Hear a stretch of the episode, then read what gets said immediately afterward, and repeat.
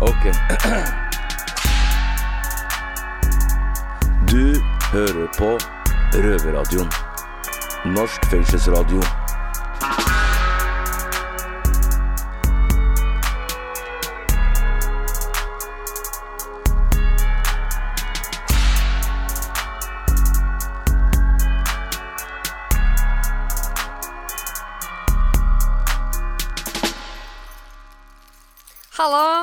Nina og Christian i studio i dag, og vi sender fra Røverradioens lokaler utafor murene.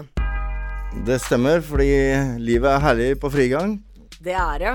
Og i dag så er vi litt spente på hva som skjer i Oslo fengsel nå for tida, for røvera der, dem har vært ekstra frustrert. Ja, Litt mer enn vanlig kanskje, men hva er egentlig problemet? Eller hva er beefen, som du sier? jo, det som er greia, er jo at eh, i fengsel så er det sånn at hvis du ikke følger reglene, så blir det jo konsekvenser av det, naturligvis. Ja, Og vi kan jo ikke slippe unna med ting, vi som allerede er straffa. Nei. Vi må straffes mer. Det må vi. Åssen skulle det tatt seg ut ellers? Ja, Så da blir det straff i straffa, ja. riktig. Og de fleste som soner, da, de ender jo som regel med at de bryter noen regler og havner på det vi kaller paragraf 37. Og paragraf 37, det vil jo da si at du blir utelukka fra fellesskapet mens du soner dommen din. da. Ja, og da er vel meninga at du skal sitte der aleine på cella og tenke hardt og lenge over det gærne du har gjort, da? Ja, som mye med unger, da. Gå på rommet ditt, og så kan du sitte der og tenke gjennom ting, og så Tror, ja, blir det bedre. det gjør blir ikke nok det. ikke det. Nei. Men fra spøk til alvor. Altså, det hender jo at eh, vi på Røverradioen blir ramma av disse paragrafene også. Ja, sånn som kanskje i dag. Ja, for dette opptaket skulle egentlig vært gjort i Oslo fengsel, og her sitter vi og gjør det isteden. Stemmer det, men pga. personvern da, så får vi ikke vite om det er paragraf at det er grunnen. Men uh, vi kan Vi jo kan tro jo at det er det. det kan vi. Ja, så nå skal vi forsøke å finne ut av hva som er greia med denne bruken og frustrasjonen rundt denne omdiskuterte straffemetoden. Jopp. Ja, fengsel er jo en konsentrasjon av kriminelle og kriminalitet, Altså, det er jo ikke rart at det oppstår en del situasjoner eh, bak mura. Nei. Og da har jo fengselet, som tidligere nevnt, noen tiltak som kan eh, gjøre at de kan holde ro og orden, da. Men eh, paragraf 37, det er jo ikke den eneste muligheten de har til å holde ro og orden. Det fins eh, flere paragrafer der. Det gjør det. Det fins mange, men i dag skal det handle om paragraf 37. Ja, og da har jo du slått opp i den store røde boka, og hva sier egentlig loven her, Christian? Det kan jeg fortelle, men det er jævlig kjedelig å lese sånne lovtekster. Så jeg, men i hovedsakelig står det at paragraf 37 er utelukkelse fra fellesskapet eh, for å forebygge da altså eh, at, Slik at man kan holde ro og orden da i fengselet. Ja, for å forebygge? Ja. Ja, Så du trenger ikke ha gjort noe gærent for å bli straffa litt ekstra mens du soner, altså? Nei, hvis det handler om ro og orden, så er den ganske flytende. Ok. Men én ting er jo hva som står i loven, men det sier ikke så mye om åssen det oppleves. Det skal vi høre fra gutta i Oslo fengsel, eh, som har funnet en med særdeles god erfaring på å sitte på paragraf 37.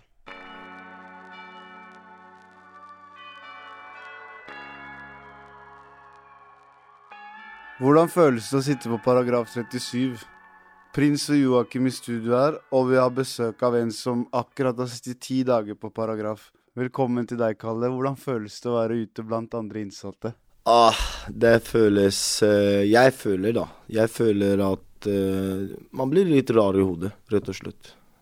Man føler seg litt uh, komplisert og Hvordan er det, liksom? For man har blitt isolert i ti dager på et rom som er eh, en celle Kanskje tre kvadrat eller syv kvadrat, jeg vet ikke. Men man føler seg rart, og eh, man må se seg rundt og Ja. Det er ikke lett. Er det en god følelse å komme ut av cellen Det er det, beste, det er det beste følelse etter ti dager å komme ut. Men eh, det, er også, det er også litt stressende, da. For uh, man føler seg litt sånn, du vet, utrygg på en måte. Uh, hvordan innsatte skal se på deg, eller ja, hvordan skal man hilse igjen på vennen sin, eller ja. Ja, rett og slett. Hvor, uh, hvor mye paragrafer har du hatt til sammen? I sammen at eh, 30, 30 ganger har jeg sittet på 37. Ja, det er veldig mye. Mhm. Jeg knakk rekorden. Uh, av uh, Hvor lenge har du sona? Jeg har, so jeg har sona nå i ni og en halv måneder. Og hvor lenge har du sittet på paragraf til sammen av de ni månedene? Uh, seks måneder. Så du har sittet to tredjedeler på paragraf? Helt riktig. Shit. Mm. Kan du beskrive en dag på paragraf 37 for oss? På dagen, da, på morgenen. Åpner de døren, de sier god morgen.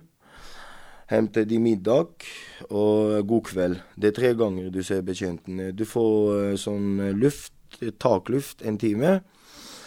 Man kan bestemme å gå på takluft, for man blir lei du vet, av den takluft. For det er ikke luft, det er en tak. Det er en celle du går i også der. Det er ikke luft, på en måte. Og du lufter helt alene, da? Og man lufter helt alene, og eh, får ikke lov engang å snakke med innsatte. Så lenge du går ikke og caller på calling og spør eh, etter ting. Altså telefonen vår til betjentene? De, de kommer aldri til cella di. De spør ikke om noen ting. For eksempel i går, da. Da ringte jeg på calling, og så sa jeg at eh, jeg har lyst til å sjekke min eh, blodtrykk. For jeg følte at eh, jeg besvimte litt. Det var for mye eh, Hva heter det? Klaustrofobi. Nei, det er kjipt. Ja, det er ikke bra. Det er eh, Man føler seg veldig ensom, og man det, det er ikke bra for helse, det er ikke bra for hodet. Er det noen spesielle rutiner du har når du sitter på paragraf? Ja, det er rutiner. Man, eh, når man sitter på paragraf over eh, to dager, da, vi begynner der, da er det sånn at uh, det begynner å gå over uh, din kropp, din, uh, din sjel, liksom. Du føler ikke at den er på plass, og man må bevege på seg. Man må ja, finne ting sjøl og gjøre på cella. For du har ikke noen å snakke med, du har ikke noen å se. Du er isolert. Er det noe spesielt du pleier å gjøre? Ja, mye pushups. Gå mye, bevege på meg. Se meg i speilet, Vaske hendene. Snakke med meg sjøl, da, på en måte. Holde deg sjøl i form? Holde meg i form. Men eh, er dette din feil, eller er det betjentene sin feil? Ja, det kan også være min feil. Jeg sier også det er min feil. Selvfølgelig, eh, hvis ikke man gjør feil. Man havner ikke på 37. Men eh, det fins alltid en grense hvor man kommer til feilen. Man føler seg at uh, Ja, det er bare den ene ting man kan gjøre med denne her mennesken, å sette ham på 37. Det er der han lærer. Og det er ikke sant, for man lærer ikke da. Man blir enda verre. Man blir enda hvordan skal jeg si det Ikke Mer sinna? Mer sinna, mer ikke samarbeide. Gi faen i loven, da, på en måte. Men er det noe du kan gjøre for å ikke havne på paragraf? Ja, det kan jeg gjøre veldig mye. Jeg, jeg, jeg er ikke glad å havne på 37. Men eh, jeg kan ikke bestemme på mine følelser for eh, hvordan jeg skal fortelle det. Når man har en dårlig dag, og eh, man har en dårlig følelse den dagen, og man er litt irritert, og man sitter i fengsel, det er ikke gøy. Du er ikke ute. Da er det sånn at du er litt sint, du er litt irritert. ikke sant? Man skriker, man ba, ba, ba, banner og sånne ting. Men ville du hatt mer tilsyn av betjentene om det var en mulighet? Ja. Det skulle vært eh, mer, eh, mer hjelp, da, når eh, man sitter utelukka. Eh, og de som er ikke utelukka, man skal behandle den mennesket litt mer bedre som er utelukka, da. På en måte Litt tettere oppfølging? Helt riktig. Eh, eh, kanskje, kanskje få litt mer aktivitet. Kanskje få bevege på seg mer, få komme mer ut av den cella. For eh, når man sitter på cella OK, jeg skal forklare dere nå. Når man sitter på cella over fem dager, du merker cellen blir mindre og mindre og mindre. Og det er det som heter klaustrofobi. Og eh, når, når cella blir mindre og mindre, da blir hjernen din også mindre og mindre, kompis. Og det er ikke bra, for uh, man blir veldig sint. Man blir veldig irritert. Man tenker hva faen er det som skjer, liksom? Eh, Hvilken land er jeg jeg bor i? Er det Norge, eller er det Korea? Så uh, jeg syns at uh, det skulle vært mer hjelp og mer støtte her inne av kriminalomsorg.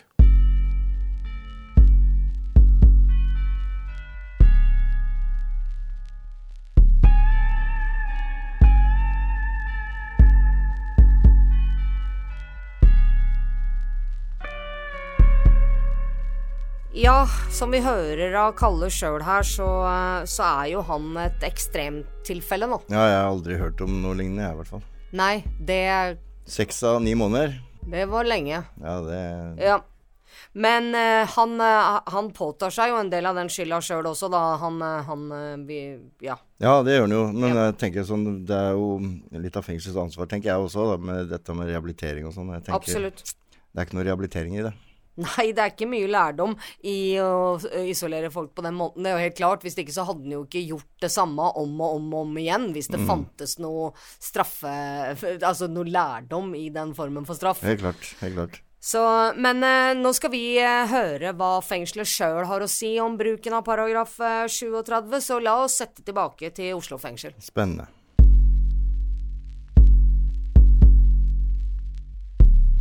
Assisterende fengselsleder her i Oslo fengsel, Stian Fjelstad, velkommen. Tusen takk, Joakim. I dag er vi i Røverradio med meg, Joakim, og Tim. Hallo, hallo.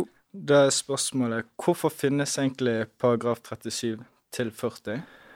Eh, Det er jo et sett med håndteringsregler eh, i straffegjennomføringsloven som vi må forholde oss til eh, i, når vi driver fengselet, eh, og hvordan vi skal håndtere dere eh, i ulike situasjoner. Hvordan er det egentlig? Er, noen, er det noen som godkjenner paragrafbruken, eller er det opp til hver og en betjent om de kan sette en innsats på paragraf? Eh, I hovedsak, fra starten av, så er det jo fengselsleder som, som bestemmer eller har fått mulighet til å delegere myndigheten i forhold til bruken av paragrafene.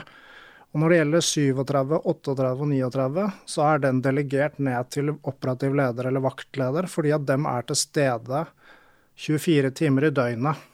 Slik at de eh, vurderer bruken av den, eh, de lovverksbestemmelsene der, ut ifra situasjonen. Eh, blir, det, blir det ført noen statistikk over hvor mye det blir brukt? Eh, ja, det blir ført statistikk. Eh, det er jo Man skal jo følge opp statistikken hele veien eh, i forhold til bruken, sånn at det ikke eh, blir eh, for mye bruk eller misbruk av bestemmelsene.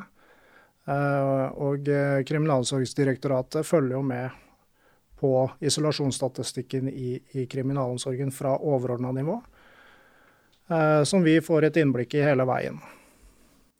Vet du hva det ligger på i løpet av et år her i Oslo fengsel? Her i Oslo fengsel? Mm. Eh, ja, jeg vet jo sånn cirka hva det ligger på eh, i forhold til det. Um, så vi kan jo, kan jo gå gjennom litt tall hvis dere er interessert i det. Gjerne, gjerne. Gjerne. Gjerne. Ja, hva er det da? Er det hel utelukkelse? Så kan vi jo si det at fra 2018 til og med eh, 2022 så ligger snittet i året eh, på ca. 230 vedtak. Og så har det vært en gradvis økning, dvs. Si, eh, fra at det var 217 i 2018, så var det 200 i 2019, så det var en liten nedgang. så Det er kjempebra. Um, så har det vært en gradvis stigning derifra, og eh, er nå til nå i år oppe på 288. Og det er ganske høyt. Hvordan, eh, hvordan er det her sammenligna med andre fengsel? Eh, Jeg har ikke tallene til, eh, til andre fengsler sånn på stående fot, men, men det er ikke til å legge skjul på at i Oslo fengsel så ligger tallene på, i øvre skalaen. Spesielt internt i regionen er jo det vi ofte har sammenligna oss med. Så, så ligger man, man ofte der. Nå har jeg vært der litt over to måneder, og på de to månedene så har jeg sett mer paragrafbruk her enn det vil si jeg nesten har sett i Bergen fengsel på et år. Du sitter altså som regel to-tre dager på paragraf. Mens her derimot så har jeg vært borti at ti stykker av 26-27 har vært på paragraf på én gang. Ja, og så kan jeg fortelle deg litt i forhold til det. Én ting er det at det skjer en hendelse i forhold til innkast og sånt noe. Mm. Men så er det sånn at hvis du går, går på alle de ulike avdelingene på huset her, så er det ca. 30 stykker som aldri kan sitte i samme avdeling. Det er også et hensyn som må tas oppi det hele. Det at du ikke går overens med Tim som sitter i, det, som sitter i den andre blokka. Fordi at dere har en beef ute som ikke vi har noen ting med. For det er den store utfordringa på Oslo fengsel om dagen. Det at folk ikke kan sitte i samme avdeling. Og det påvirker andre, også oppi det hele, når hendelser oppstår. Fordi at man klarer ikke å oppføre seg. Men det går vel på sikkerhet. Ja, og, Er ikke det da politiet dere burde vært i dialog med på å få flyttet de? Fordi at du ja men det, du må jo ha en fengselsplass. Jo, Og hvis men det er flere i- fengsler på Østlandet. som- Ja, men når det er fullt, da. Eh, Men da går det utover de innsatte. Altså, vi er jo et fengsel. Man vil møtes på et eller annet tidspunkt. Ja, og for meg så må dere gjerne komme og, og være her. Men jeg tenker også det at eh, dere må kunne oppføre dere mot hverandre. Om dere har en konflikt nede på Grønland, så tenker jeg at da legger du den på utsida. Og så må du kunne klare å oppføre deg mens du er inne. Så får dere gjøre opp den saken ute. Hvis du hele tida skal dra med deg konfliktene inn overalt, så blir du aldri kvitt den. Og så kommer man til å gå med den uroen hele veien. Og da blir det sånn, dessverre, at noen blir sittende for lenge på 37, utelukka og isolert, selv om man gjør det man kan. Fordi at du kan ikke Jeg kan ikke sitte i andre avdeling fordi at jeg går ikke overens med Per og Pål og Adam på, i den avdelingen. Og så kan jeg ikke sitte i fjerde og femte avdeling, for der sitter Ole, Hans og Grete, holdt jeg på å si. Og Geir. Men- det er en kjempeutfordring. Og så vet ikke jeg om det stemmer heller. Nei. Men det er jo et sikkerhetsspørsmål som da burde gå videre igjen til politiet, da. Fordi at eh, politiet har jo også sin rolle så lenge du er i varetekt, å ivareta en innsatt. For vi Jeg er jo i varetekt nå, jeg er jo politiet sitt ansvar, Ja. dermed ikke fengselet. Så om det er sånn at det er gjenkonflikter og sånt, så er det politiet sin jobb å flytte deg der hvor du ikke vil havne i en sånn De situasjon. De anmoder jo om plasser. Det er ikke deres jobb. Vi må anmode om at du skal flytte. For de må godkjenne at vi kan flytte deg til et annet fengsel når du sitter i varetekt. Mm. Men så er det sånn at på Eidsberg og i Halden så sitter det også noen i motsatt gjengmiljø med deg. Ja. Og det samme er det på Romerike. Og så er det sånn at det er ikke bare en, uh, gjeng A mot uh, gjeng C, men det er mot gjeng Å og Æ og Ø og Y som også må tas hensyn til. Og så opplever jeg, sånn jeg ser det fra utsida, at eh, du og Tim er i samme gjeng, men så er dere ikke det allikevel. Og du, eh, kompisen din blikka Tim, så da kommer Tim bort og så fikser opp med deg, Joakim. Ja. Men bør ikke dere da heller prøve å få til noe tiltak som kan forebygge dette? Ja, men, vil, hva hva tenker du er tiltak som kan forebygge det, du òg? Nei, altså, jeg tenker jo at hvis jeg hadde tilhørt en gjeng og blitt sittet på paragraf av Så hadde jo det varmet opp stemningen min. Jeg hadde jo fyrt meg mer og mer opp. Fordi da tenker jeg faen, han jævelen der sørger for at jeg sitter på paragraf. Det er jo på en måte Man blir jo på en måte straffet før noe har skjedd. Ja, men, men du tenker at eh, jeg skal ofre livet til Tim, da? Istedenfor Fordi at det er jo Hvis du går inn og så ser på det som har skjedd i sommer, så finner vi også en haug med hjemmelagde våpen. Mm. Som dere sitter og lager på cellene. Jeg sier ikke at dere gjør det, men som innsatte lager på cellene. Men har noen av de våpnene blitt brukt Ja, i sommer? ikke i sommer, men vi har en historikk på det. Hvor Ja. folk er blitt slått rett ned. Vi hadde en på, eh, hvor, hvor jeg ble slått ned på, på treningsrommet i sjette avdeling for Mm. ikke så altfor lenge siden. Hvor, hvor ting her, står om liv og død. Og vi har også andre som har blitt stikket med gaffel. Og vi har flere hendelser også i treningsbygget. Så, så ja, vi kjenner til det. Og så er spørsmålet hvor villige er vi til å slippe opp den risikoen nå? Ja, altså Hvis noen har konflikt i Bergen fengsel, så får man tilbud om en samtale med presten, de personene det gjelder, der hvor de på en måte kan legge eller bli gjennom en våpenhvile, så lenge de er under soning. Er dette noe tilbud man har i Oslo? Ja, det har vi gjort ved flere anledninger. Uh, og, eh, og, og sånne ting. Men uh, utfordringa i det siste har vært at konfliktbildet er så uoversiktlig, sånn at vi vet egentlig ikke hvem som kan snakke sammen, og ikke. Men vil du si at eh, gjengrelaterte ting er et stort problem her i Oslo fengsel? Eller er det bare en brøkdel av alt som foregår? Det er en, en, en eh, del av eh, ut, utfordringsbildet i Oslo fengsel, ja. Det er det. Hvor stor prosentandel, det tør jeg ikke å si, men, men det er det.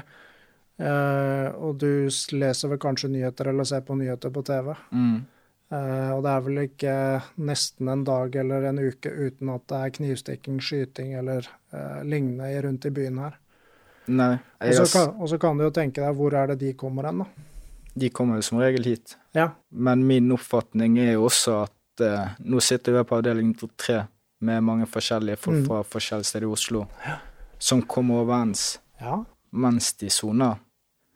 Selv om de er fra Furuset, Holmlia, Grønland, så er det Folk snakker sammen. De er gjerne ikke bestekompiser, men de har en ja, rolig tilnærming til hverandre her. Jeg, så lenge jeg har vært der, så har jeg ikke sett noen slåsskamper mellom gjengrelaterte folk. At det er liksom det som er årsaken for at det har mer vært på innkast og sånne ting. Mm. Det har ikke vært noe som er gjengkriminalitet Ja, gjengrelatert, da. Som jeg Nei. har sett. Men da har vi jo oppnådd målsettinga vår om å, at du skal slippe det. Mm. Det er jo kjempefint, ehm, for det ønsker vi jo ikke. Men hvilke grunnlag er det folk havner mest på paragraf på her i Oslo fengsel? Hvilke grunnlag? Ja, eh, som er det mest gjentagende? Det er mye ordrenekt. Mm. Det er mye trusler. Trusler om vold. Hva med innkast? Eh, når vi sier det regner, så mener vi altså at det blir kastet eh, enkroninger med hasj på ja, pålimt på mynten da, fra utsiden, sånn at det går gjennom nettingene. Altså, det er det vi her inne kaller for innkast. Innkast er, eh, går i bølgedaler. Mm. Ehm, I sommer uh, så har det jo vært relativt bra tilgang på, på uh, rusmidler for innsatte her inne, etter mitt syn. Eh, mye, mye innkast, uh, og da kan det medføre at man blir utelukka uh, i kortere eller lengre tid. Helt avhengig av hvor involvert man er i det. Um, og det handler om at vi har behov for i noen tilfeller å kartlegge eh, situasjonen. Hvem har vært involvert, hvem har ikke involvert. Og så er det helt forståelig det at det er kutyme blant dere at ja, men jeg kan fortelle om min egen posisjon, men jeg forteller ikke om, om, om kompisen eller hvem som har bestilt og sånt noe. Det er helt normalt. Min oppfordring er at ja, fortell om din egen situasjon. Hvor involvert var du? Og så prøver man å være så ærlig som mulig, så kanskje man havner greit ut av det. Men vi opplevde jo at det ble en litt sånn felles straff for de fleste med at vi mast luftetider. Vi gikk fra to luft om dagen til én.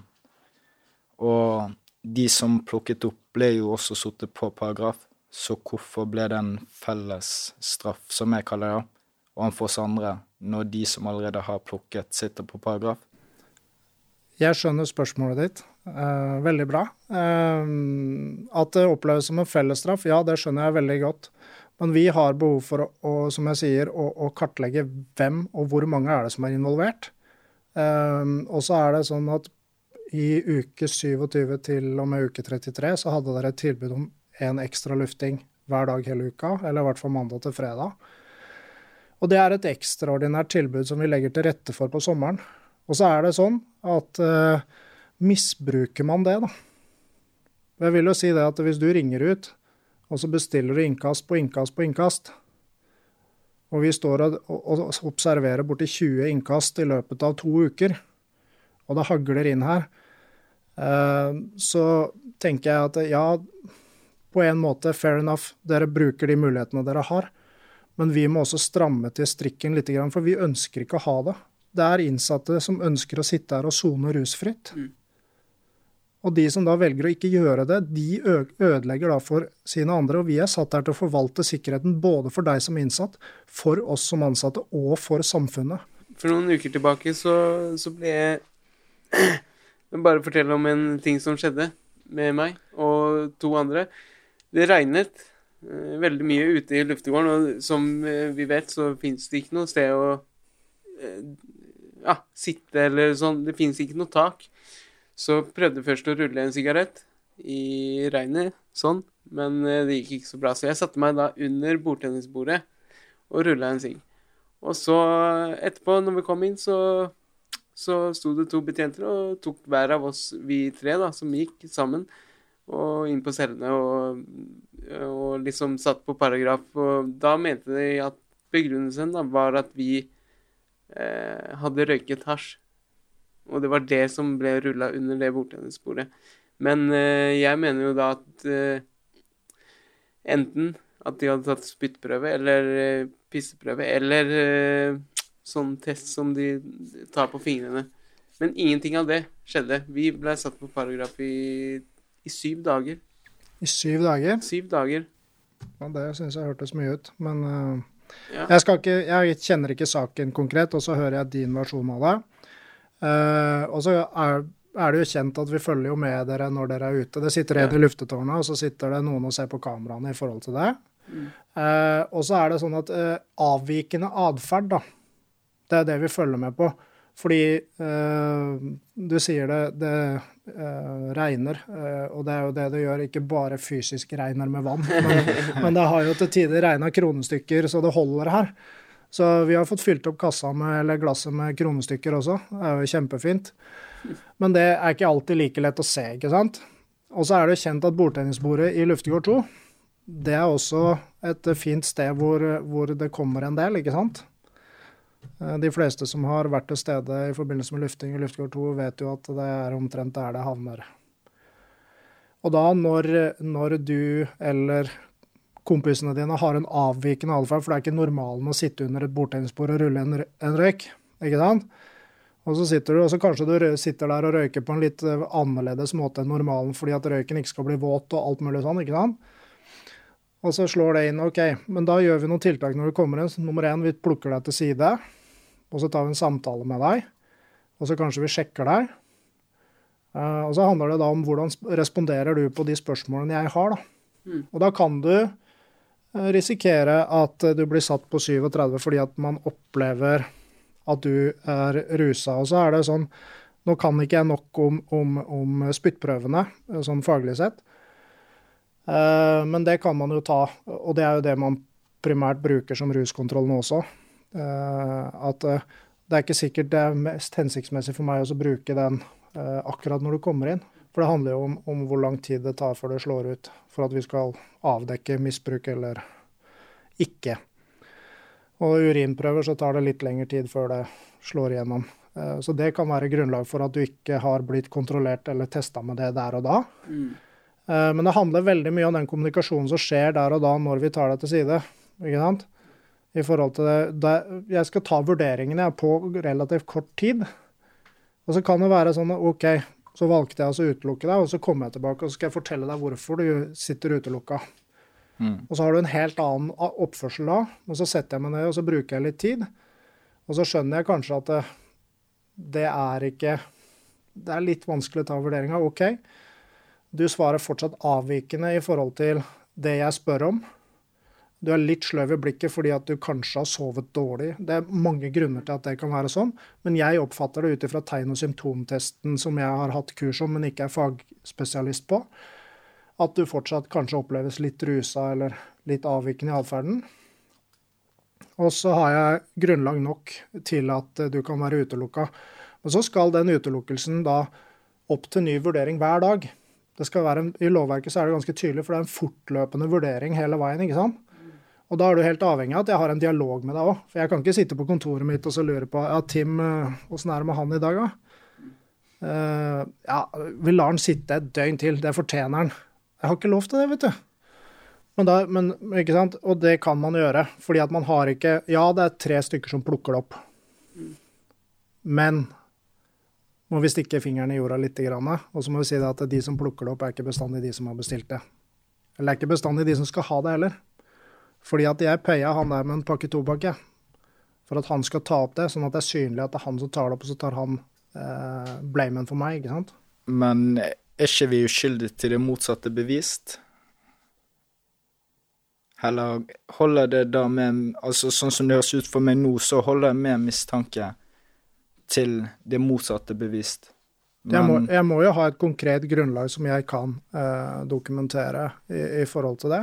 Og så skal, skal, du få eh, Jeg må skrive en hendelsesrapport i forhold til det jeg har sett, og, og forholde meg til de faktaene som jeg har oppfatta i den situasjonen. Og så skal du avlegge en forklaring, sånn at de, din forklaring opp imot den rapporten som jeg skriver, skal vurderes opp for å se om det er grunnlag for ytterligere reaksjon eller ikke. Og så brukes paragraf 37 som en forebyggende for at det ikke skal skje ytterligere. Så i teorien da så kan jeg ende opp på en paragraf 37 og være uskyldig.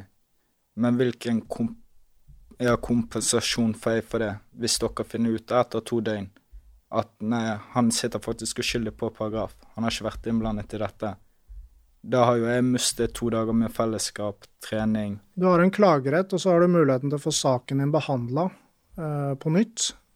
Ja. Eh, syv, uh, du kan klage innen syv dager. Du får et vedtak, og så står det nederst på arket, så får du opplyst klage, eh, saksbehandlingsreglene i forhold til klagefrist og sånt noe på enkeltvedtak. Mm. Og så kan du få prøvd saken din på nytt ved å skrive en skriftlig klage, som da sendes først inn til oss, til våre jurister, og så tar de en vurdering, og så sendes den da videre til regionen for behandling der.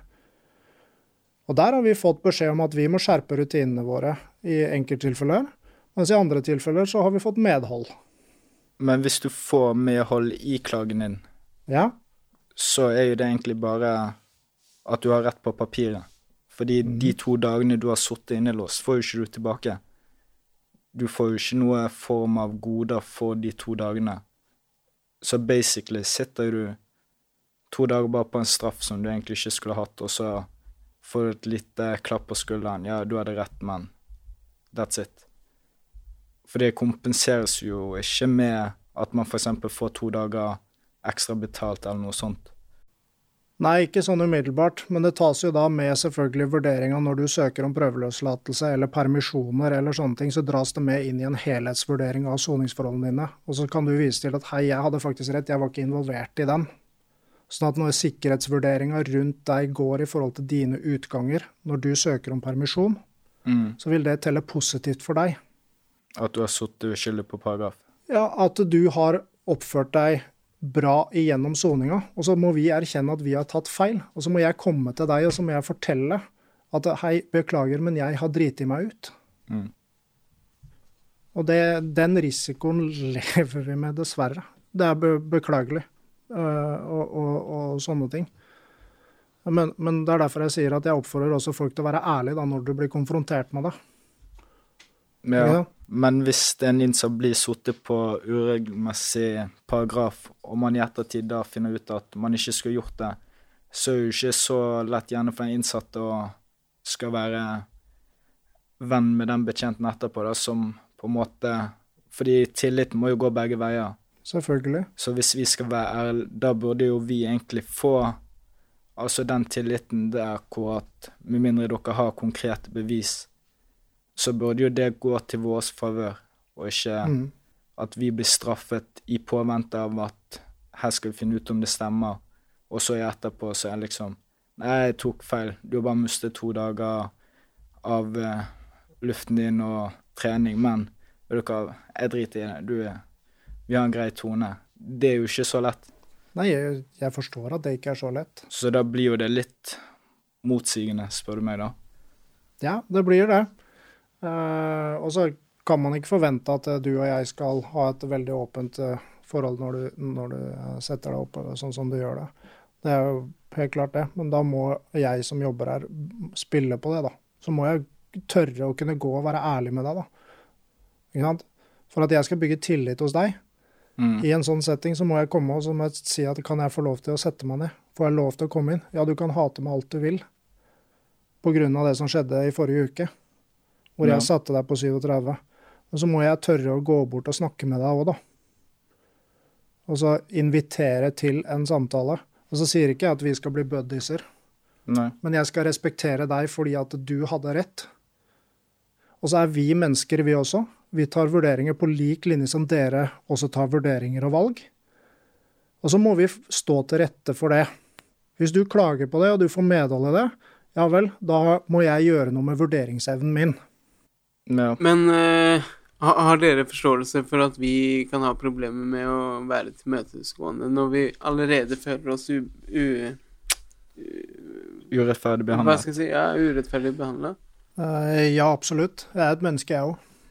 så jeg har full forståelse for, for det at når man føler seg urettferdig behandla, så, så uh, bryter det tilliten og, og eh, det respektfulle forholdet man har. Ja, Eh, og så blir det jo vår jobb å prøve å bygge det opp igjen. Da. Ja, for jeg, jeg har følt i hvert fall en gang, da. I hvert fall den gangen så følte jeg at jeg tok skylda for, for noe jeg ikke eh, hadde gjort. Hvor eh, rehabiliterende tror du det er å få straff i straffen? Lite. Fordi at eh, du føler at du blir påtvinga noe som du kanskje er urettmessig eh, ilagt, eller lignende. Eh, sånn at eh, jeg tror ikke det vil, vil ha, ha den store rehabiliterende effekten. Eh, kanskje en kortvarig læringseffekt er, det man kan håpe og tro ut av det. Mm. Eh, Men så er det sånn at man må ha noen eh, håndteringsregler i forhold til det at færre, færrest mulig skal bli involvert i, i, i ulike typer hendelser eller sånne ting. Da. Men da må vi nesten avslutte for i dag. Tusen takk for at du kom hit til Løvens hule for litt grillings. Assisterende fengselsdirektør her i Oslo fengsel, Stian Fjelstad. Tusen takk for at jeg fikk komme. og hyggelig.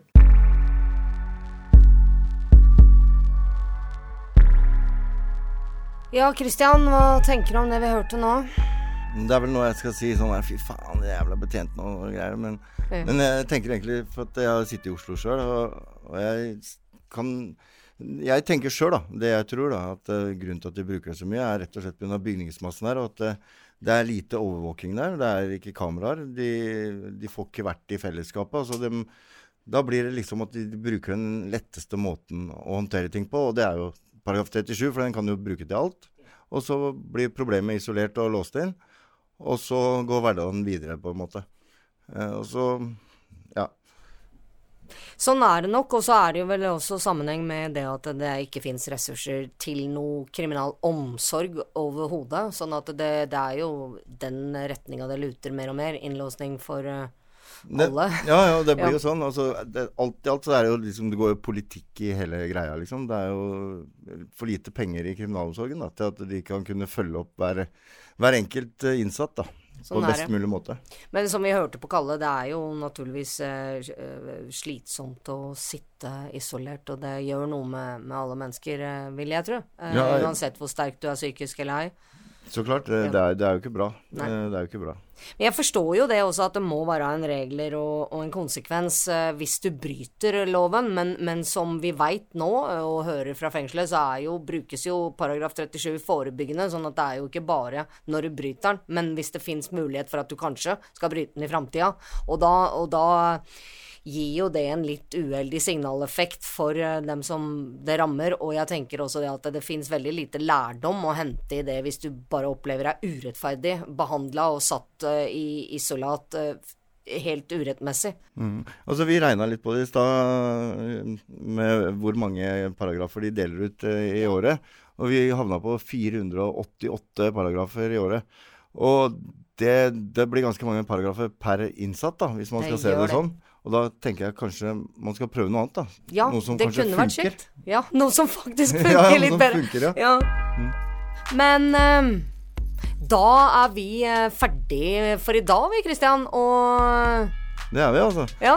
Så da er liksom spørsmålet da, hvor du hører oss, da. Jo, det blir jo som vanlig, da. da på NRK P2 på søndager 2030. Yes, Eller hvor du vil, når du vil, hvis du ikke er i fengsel. På, På podkast. Ja. Denne sendingen av Røverradioen er sikkerhetsgodkjent av Oslo fengsel.